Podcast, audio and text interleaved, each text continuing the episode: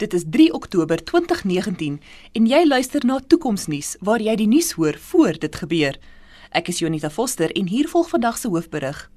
'n Nederlandse boer, Gerard De Moerein, het regsgeding ingestel vir 120 000 euros teen sy buurman Andries Verlangsaam. Op 19 September het Verlangsaam se robotgrasnyer die plaas hier in Haasbroek verlaat en 40% van die tulpe wat deur De Moerein gekweek is, begin vernietig. De Moerein is gekontrakteer om hierdie tulpe in 'n groot tulpskou in Denemarke af te lewer en kon nie die kontrak vervul nie weens die skade wat die robotgrasnyer veroorsaak het. Beide Leigat, die vervaardiger van die grasnyer, en Verlangsaam het geen verantwoordelikheid vir die voorval aanvaar nie. Die GR1000 grasnyer is in die bedryf bekend vir sy presisie met posisionering ondersteun deur dubbelfrekwensie GPS-navigering. Die hoofrede vir die grasnyer wat tydelik beserk gegaan het, kan gekoppel word aan die berugte sonvlek-uitbarsting wat op 29 September plaasgevind het en wat wêreldwyd chaos veroorsaak het nadat GPS-syne skielik willekeurig begin verander het. Meneer Verlangsaam en die robotvervaardiger Leigat voer aan dat dit nie verantwoordelik gehou kan word vir die onwillekeurige verandering van GPS-syne wat sentraal lê tot die robot se navigasie vermoë nie.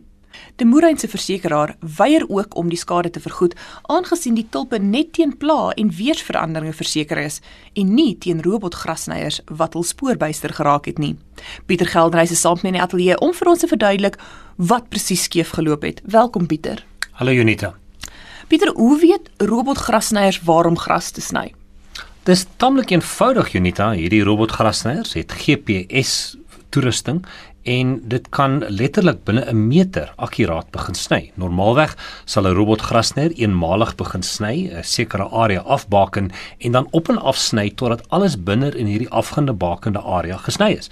En deur dit eenvoudig op te stel in 'n sekere area weet die grasnyer presies waar om te sny. So die meeste grassnyers begin outomaties sny 'n sekere tyd van die dag en sodra hulle ekstra energie nodig het, dan gaan hulle na 'n kragpunt toe, herlaai hulle self en sny dan wanneer nodig is. En ons stuur ook natuurlike boodskap na jou foon toe as jy die gras natuurlik uit hulle blik uit moet haal. Verduidelik vir ons in kort wat 'n sonvlek is en en hoekom dit so groot impak gehad het op die navigeringsstelsel, die GPS navigeringsstelsel van hierdie grasny robot.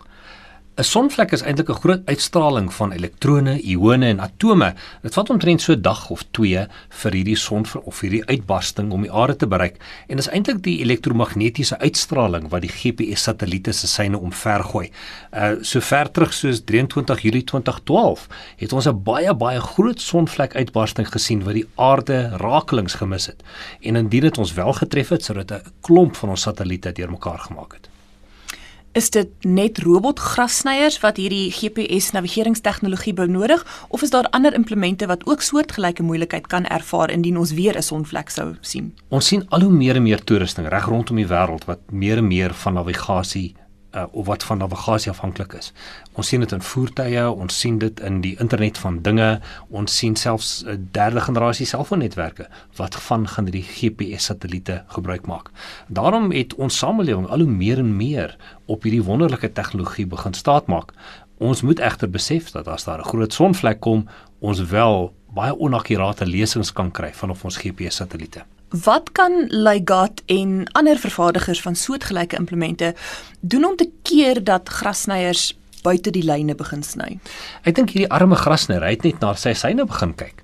Um, hy het gesê dit is die GPS uh koördinate waar volgens ek kan sny en die inligting wat hy van die GPS satelliete afgekry het was heeltemal deurmekaar. Volgens die grassnyer was hy heel binne perke, maar ek dink hy het iewers 'n oop hek gehad en toe het hy per ongeluk die toppe begin afsny. So daar's niks fout met die grassnyer. Die grassnyer is 100% en ek dink as jy die grassnyer nou sê sny die gras sal hy binne perke bly, maar dis juist as gevolg van hierdie GPS syne wat die grassnyer so bietjie die klits kwyt geraak het. Um, wat kan die maatskappy doen? Ek dink hulle het 'n goeie dag of wat eh, waarskuwing gehad dat 'n sonvlek op pad is en hulle kon dan 'n boodskap gestuur het aan die grasnyer wat sê vir die volgende dag of 3 wees rustig want ek dink jou beperkings gaan nie heeltemal in plek wees nie. So ehm um, dit is 'n baie baie moeilike vraag, maar ek dink wel die vervaardiger moet wel verantwoordelikheid hiervoor neem. Uh, alhoewel sonvlekke baie skaars is, is dit iets wat op hulle radar moet wees en hulle moes iets ingebou het om seker te maak want wie weet waar grasnyers hulle self op ander plekke kan bevind. Dink jy mense moet versekerings kan uitneem as verandering in GPS syne tot finansiële verlies lei? Weer 'n baie baie goeie vraag omdat dit so skaars is. Dink ek dis baie moeilik om 'n spesiale kategorie neer te sit van grasnyers wat ander mense se toppe gaan vernietig. Uh, ek dink dit gebeur baie selde, maar weer eens bygesê, ek dink die vervaardiger veral moet die, ten minste die vermoë hê om apparate kan deaktiveer indien die onderliggende seine nie meer akkuraat is nie. Dankie Pieter. Meneer Verlangsaam is nie die enigste persoon wat probleme met sy grasnyer ondervind het nie. Daar is sowat 200 robotgrasnyers wat as vermis aangemeld is. Inwoners van die nabye omgewing is aangeraai om indien hulle 'n grasnyer iewers te sien staan, dit aan hulle naaste polisiestasie te rapporteer. Dit was Pieter Geldenhuys en Jonita Foster vir Toekomsnuus, waar ons die moontlikhede van die toekoms ondersoek. Vir meer inligting oor vandag se episode en ander tegnologieontwikkelinge, besoek gerus die Toekomsnuus Facebookblad.